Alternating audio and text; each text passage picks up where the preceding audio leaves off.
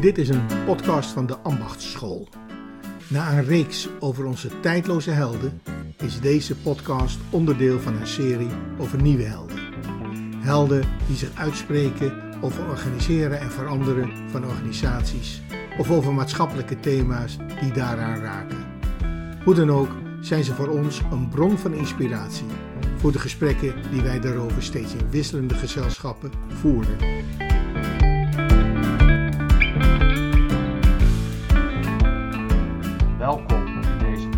Podcast van de Ambachtschool voor Organiseren en Veranderen, waarin ik in gesprek ga over het onderwerp vloeibare tijden, vervreemding en de betekenis van het begrip resoneren of resonantie daarin. Uh, een mond vol en dat gaan we proberen betekenis te geven met Tijn Ponnier. Tijn Ponnier is een collega uh, ANO-psycholoog, iemand die veel werkt met individuen en teams in organisaties en die met name ook de lijfelijke kant van het resoneren op het omringende veld uh, actief inzet in haar werk. Um, en uh, Jaap, jou hoef ik niet nader te introduceren als ambachtschoollid, maar misschien is het wel mooi als je zelf iets wil vertellen over jouw fascinatie met dat begrip resoneren in relatie tot de vloeibare en vervreemdende tijden waar we in zitten. Ja, Paul, dank je. Um, ja, ik, um, uh, die, die vloeibare tijden zijn van Bouwman, maar Hartmoed Rosa schreef over versnelling van de tijd. En hoe ons dat vervreemdt, omdat het zo snel gaat dat we het eigenlijk gewoon niet meer kunnen bijbenen. Heel eenvoudig gezegd. En zijn antwoord is niet verlangzaming, maar zijn antwoord is resonantie. En resonantie is als het ware een antwoord op de vervreemding die ontstaat doordat we de wereld niet meer snappen. En resonantie is juist hoe kun je kwalitatieve inhoud geven aan je relatie met de wereld. Dus dat, uh, dat is mijn grote fascinatie nu met, uh, met dit uh, woord. En Paul, hoe is het voor jou eigenlijk? Want jij bent ook wel aangedaan door dit woord. Ja, zeker. Um, zo bijzonder. In, in de voorbereidende gesprekjes die we hierover hadden, werd ik me in één keer gewaar hoe ver dat eigenlijk teruggaat. Ik, realiseer, ik herinner me nog dat ik als student sociale psychologie al totaal ontredderd eigenlijk was en, en, en, en onbegrip had waarom het hele um, lijfelijke aspect, zeg maar, zo buiten beschouwing kon blijven en dat alles zo eenzijdig cognitief werd ingestoken. Dus toen kwam ik wat later van oké, dan is emotie belangrijk. Toen kwam ik er nog later achter, hey verrek, maar wij worden toch omgeven door allerlei gevormd door en we zijn een product van en maken deel uit van van allerlei sociale en fysieke velden waar we in zitten. Um, ja, en eigenlijk als je zo kijkt, dan is het nog maar een kleine stap naar hoe Rosa het ook als een ja, als iets relationeels neerzet van hoe je als mens onderdeel uitmaakt van de wereld. Niet alleen instaat, maar er ook echt onderdeel van bent. En hoe de wereld zich ook in jou manifesteert. Dat dat dus eigenlijk een, een relationeel gebeuren is. En ik merk steeds meer dat dat me de, de, zoeker, de antwoorden wil ik niet zeggen, maar wel de zoekrichting geeft die me helpt om een eigen plekje in de wereld ook um, ja, te vinden, is ook een beetje groot, maar in ieder geval te duiden en, en, en me ertoe te verhouden. En Tijn, hoe is dat dan voor jou? Sluit, sluit dat aan op wat Paul zojuist vertelde? Of, leg je nou een accent weer anders? Hoe zit dat? Ja, zeker. Want um, ja, je staat en je bent onderdeel van een context. Je staat in relatie ook tot een, tot een context. En als ik naar mezelf kijk en mijn eigen werk, is um, dat ik ook de laatste jaren ook steeds bewuster ben om dat wat er gebeurt in die resonantie, om daar taal en duiding aan te geven.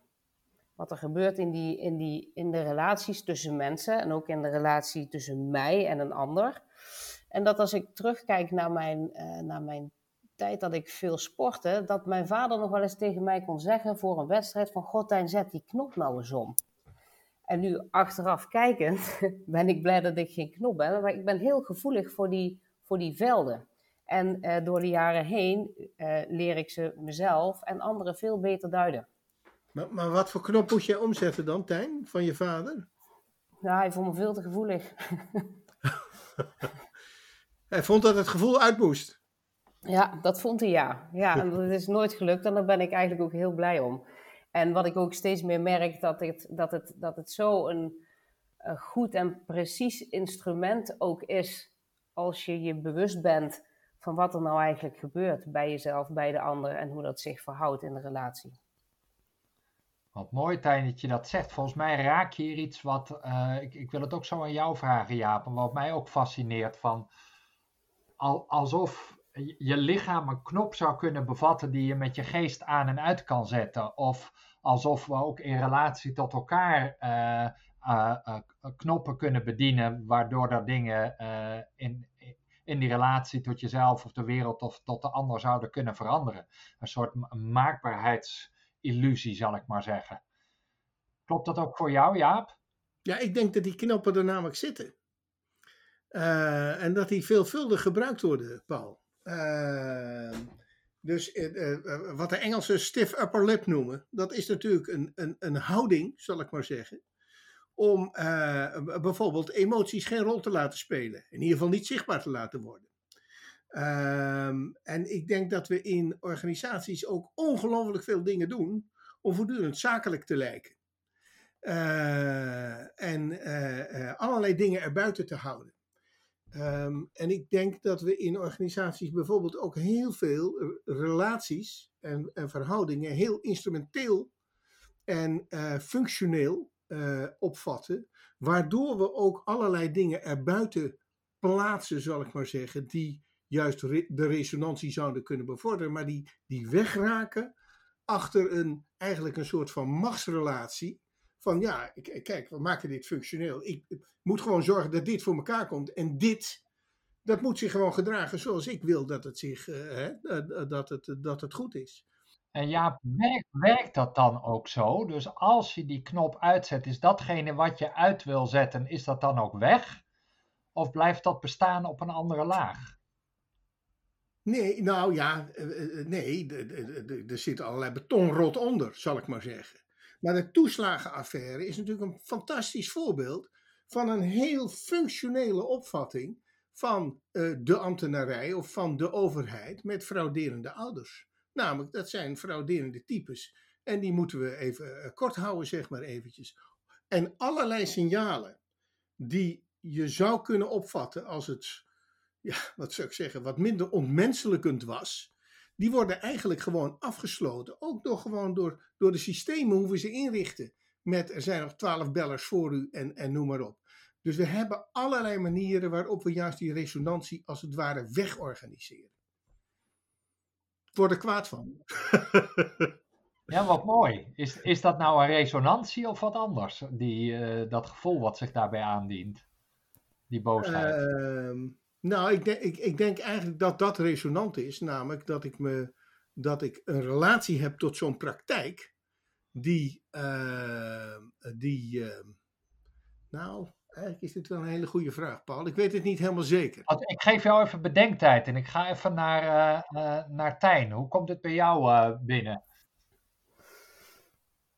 Um, nou, het, het, is, het is mooi als ik kijk naar, naar, naar mezelf, hè? want, want uh, nou, wij zijn hier uh, gedrieën in gesprek. En, uh, en wat ik merk is dat ik ook dat ik die, die, die boosheid die eruit voortkomt, dat ik die ook echt proef. En dat ik daar ook zelf op, op resoneer en ook wel op. En dat er twee dingen eigenlijk met mij gebeuren. En het ene is dat ik zeg maar het een beetje overneem en het ook ga voelen.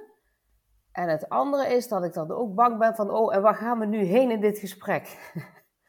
dat er wat, wat, angst, wat angst ook bij komt. Dat is wel mooi, want je introduceert hiermee meteen een aantal begrippen waar uh, Rosa natuurlijk ook mee omgaat. Dat is enerzijds die, uh, laat ik zeggen, die consonantie, die echo, die jij ook beschrijft van, hé, hey, ik ga een beetje mee in die boosheid. Ik, ik kan hem eigenlijk ook wel voelen. Een beetje wat, we, uh, wat ook wel eens met spiegelneuronen en zo wordt aangeduid. Um, en tegelijkertijd komt er no nog een eigen stukje in. Wat misschien ook nog niet eens per se een autonoom antwoord is, maar meer een soort zorg van: oh, ik ken dit van vroeger en wat kan er dan wel niet gebeuren? En is dat wel wat ik wil? Um, ja. En, en dat is dan, als ik Rosa precies neem, ook nog niet helemaal resonantie. Dat zou je meer een soort overdracht dan kunnen noemen. En dan is eigenlijk het puzzelen, wat we hier nu met z'n drie aan het doen zijn. En wat is dan uiteindelijk het resonante antwoord? Heb jij inmiddels jouw boosheid kunnen doorademen uh, om daar dichterbij te komen, Jaap? Uh, ja, dat is, is, om te beginnen al een interessante veronderstelling, maar die laat ik even passeren, Paul. uh, ik, ik, ik, weet, ik weet het gewoon niet zo goed. Dus wat er, ehm, eh, de vraag is, is die boosheid nu zo verkeerd of is die niet verkeerd? Ik weet dat eigenlijk niet. Het is in ieder geval een engagement.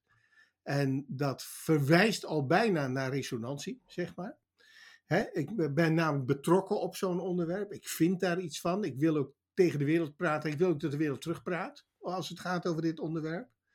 Dus ik zou het ook interessant vinden als ook Tijn zou zeggen: Ja, maar dit is wat ik ervan vind. In plaats van: Hoe, waar gaan we dan heen? Ehm, dus, dus voor mij is het juist een zoeken om eh, naar wat je hiermee kan doen. En er is niet een resonant antwoord op, denk ik. Uh, het gaat meer om de vraag of we rond zo'n onderwerp, of ieder ander onderwerp, in een soort van gesprek kunnen komen waarvan we alle drie denken: interessant, hier kom ik verder mee. Als ik een voorzetje mag doen, want als ik Rosa, ik heb niet het hele boek doorgeploegd, uh, wel het dunnere boekje. En wat mij er erg van is blijven hangen, is dat hij uitdrukkelijk zegt: resonantie is geen emotionele toestand. Het is een relationeel. Het is eigenlijk een emotioneel gezien een neutrale toestand. En het is wel een relationele modus. En daarmee zegt hij toch wel iets over die gevoelens van, van boosheid, die ook gelijk, laat ik zeggen, richting een oordeel gaan over wat goed en fout is. Terwijl wat ik van hem zo mooi vind eigenlijk van hem, is dat als het neutraal is en, en uh, het is, dan relateer je aan het grotere geheel, waarin je eigenlijk gewaar wordt oh, ik voel me heel boos over iets, maar wat ik eigenlijk in de kern ook wel kan begrijpen dat het er is en dat het gaat zoals het gaat, al is het de oorlog in de Oekraïne of de uh, toeslagenaffaire, hoe verschrikkelijk het ook is, maar vanuit dat geheel waaraan ik relateer, kan ik het wel snappen en kan ik van daaruit ook mijn positie wel bepalen wat ik daarmee wil. Ja, ik, ik, ben ik nog te volgen? Ik, ik, ik volg hem nog. Um, uh, ik weet niet hoe het voor, voor, voor Tijn is, maar laat ik zeggen, zoals ik hem begrepen heb, zegt hij over die, over die emoties nu juist dat de emoties zelf niet uh, uh, resonant zijn, maar dat in een resonante uh, relatie emoties wel degelijk een rol kunnen spelen. Ja, dat het eigenlijk een soort afgeleide is.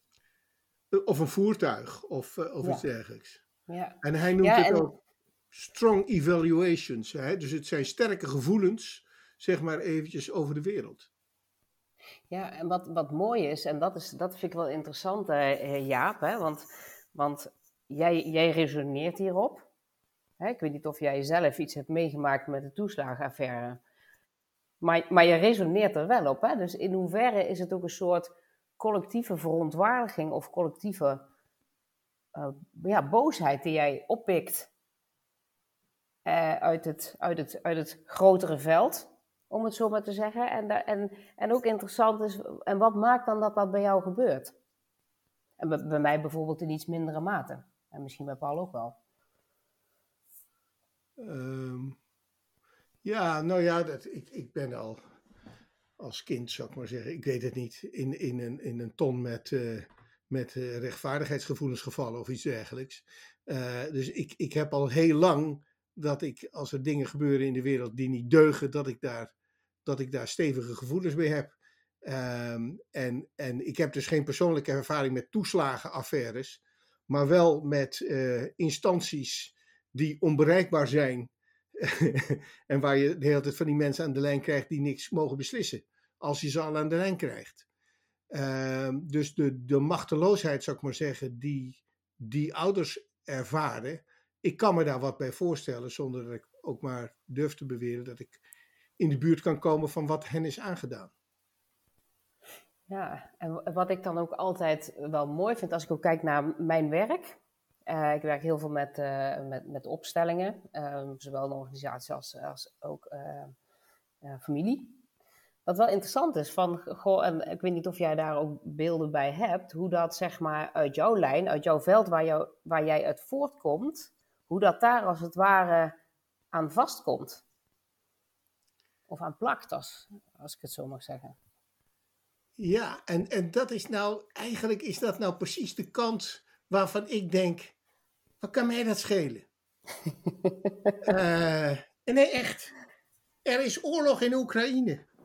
En uh, als ik dat erg vind, moet dat dan voortkomen uit mijn persoonlijke historie, zou ik maar zeggen? Of kunnen we het er gewoon over eens zijn dat het heel erg is dat er oorlog is in Oekraïne? Um, dus ik ben niet zo vreselijk geïnteresseerd in dat achterhalen van die persoonlijke biografieën en, en dat soort dingen. Dus anderen misschien wel. Hè? Ik, ik, ik weet dat van Paul dat hij daarin geïnteresseerd is. Ik vermoed het van jou. Maar eigenlijk kan het mij niet zoveel schelen. Tenzij het een probleem is. Maar ik zie het niet als een probleem. Nou, wat, ik, wat hier boven water komt, wat ik echt wel interessant vind in het gesprekje. Um, um, het is een van de bronnen die wel verschil verklaart. Dus de een, eigenlijk constateert hij net, de een kan zich over een bepaalde kwestie, of het nou Oekraïne is, een toeslagenaffaire, of gewoon een of andere kwestie in de organisatie. Uh, de een zal zich er meer over opwinden dan de ander. En, uh, en, het, en het rare is dat al die velden waar je het over hebt, dat kan, kan het familieveld waaruit je voortspruit zeg maar, zijn, maar dat kan ook het historische veld, dat kan het maatschappelijke veld zijn. Kijkend vanuit zo'n bepaald veld en daarmee eigenlijk bijvoorbeeld een boosheid of een verontwaardigheid in een, in een grotere context plaatsen, levert weer een nieuwe lens op, um, op dat gevoel van die verontwaardiging en wat je daarmee zou moeten. En in die zin kun je zeggen van, ja, ik, ik zou zelf, als ik zelf stelling neem, dan denk ik, ik vind ze allemaal even interessant. Dus ik vind de maatschappelijke lens en, en dat je daarover verontwaardigd kan en bijna moet zijn, relevant. En ik vind het net zo relevant om te onderzoeken hoe het kan dat uh, een, een nauw familielid van mij een wappie is geworden, um, wat ik als niet-wappie dan een wappie noem, want zo zal zij zichzelf niet noemen. En, en hoe die verschillen ontstaan en, en vanuit welk veld dat dan weer is te verklaren. Ik merk dat als ik dat een beetje kan verklaren, dat ik daar milder van word, rustiger. En dat ik er dan eigenlijk effectiever, beter uh, mee, met dat verschil kan omgaan. Dan als ik in mijn verontwaardigheid, verontwaardiging, boosheid of opwinding beland. Dus ik vind het eigenlijk wel relevant om niet uh, velden van resonantie uit te sluiten zou mijn stellingname hierin zijn. Nee, nee. Het, ja, het wordt een beetje. Het gaat nu, nu gaat er een heel, hele podcast over mijn boosheid, zou ik maar zeggen. Het is wel een interessant voertuig waar langs het, het zich kan laten onderzoeken. Ja, maar de vraag is: is, is dat een. Is dat een um... nee, het begint met de vraag of het een probleem is. Ja. Daar ben ik het helemaal mee eens, ja. En, en, en ik, ik, ik zie mijn boosheid niet als een probleem. Sterker nog, ik vind het eerder een probleem dat jullie je niet boos maken over dat soort dingen in de mate waarin ik dat doe. Uh, hè, dus ik, ik, ik vind eerlijk gezegd dat veel mensen, veel te veel mensen, uh, veel te veel uh, wegkijken bij vraagstukken die diep en diep verkeerd zijn. Ook in ons vak. Dat we veel te vaak, ik zelf ook hoor, ik, ik, maak me daar niet minder schuldig aan dan anderen, maar toch een beetje de andere kant op kijken als het diep en diep fout zit.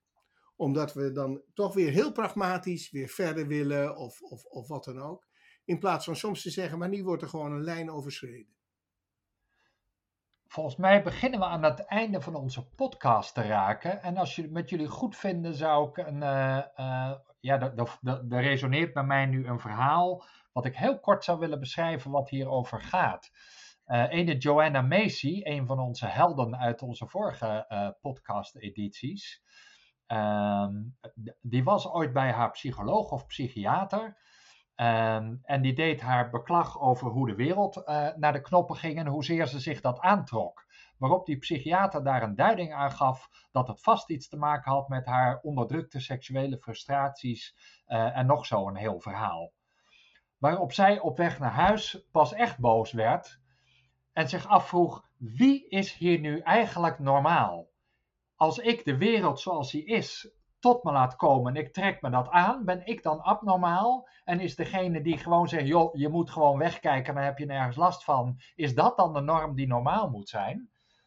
Um, en vervolgens heeft die psychiater natuurlijk ook nooit meer bezocht en is haar, uh, haar eigen lijn uh, uh, gestart van helende psychologie, waarin het aankijken van de barre werkelijkheid gewoon de kern is.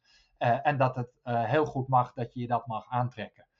Ik weet niet of het nog over resonantie gaat, maar ik vond het wel een heel toepasselijk verhaal naar aanleiding hiervan. Mag ik jullie alle twee heel hartelijk danken voor jullie unieke en zeer onderscheidende bijdragen in deze podcast over uh, vloeibare tijden en resoneren. Dankjewel, Paul.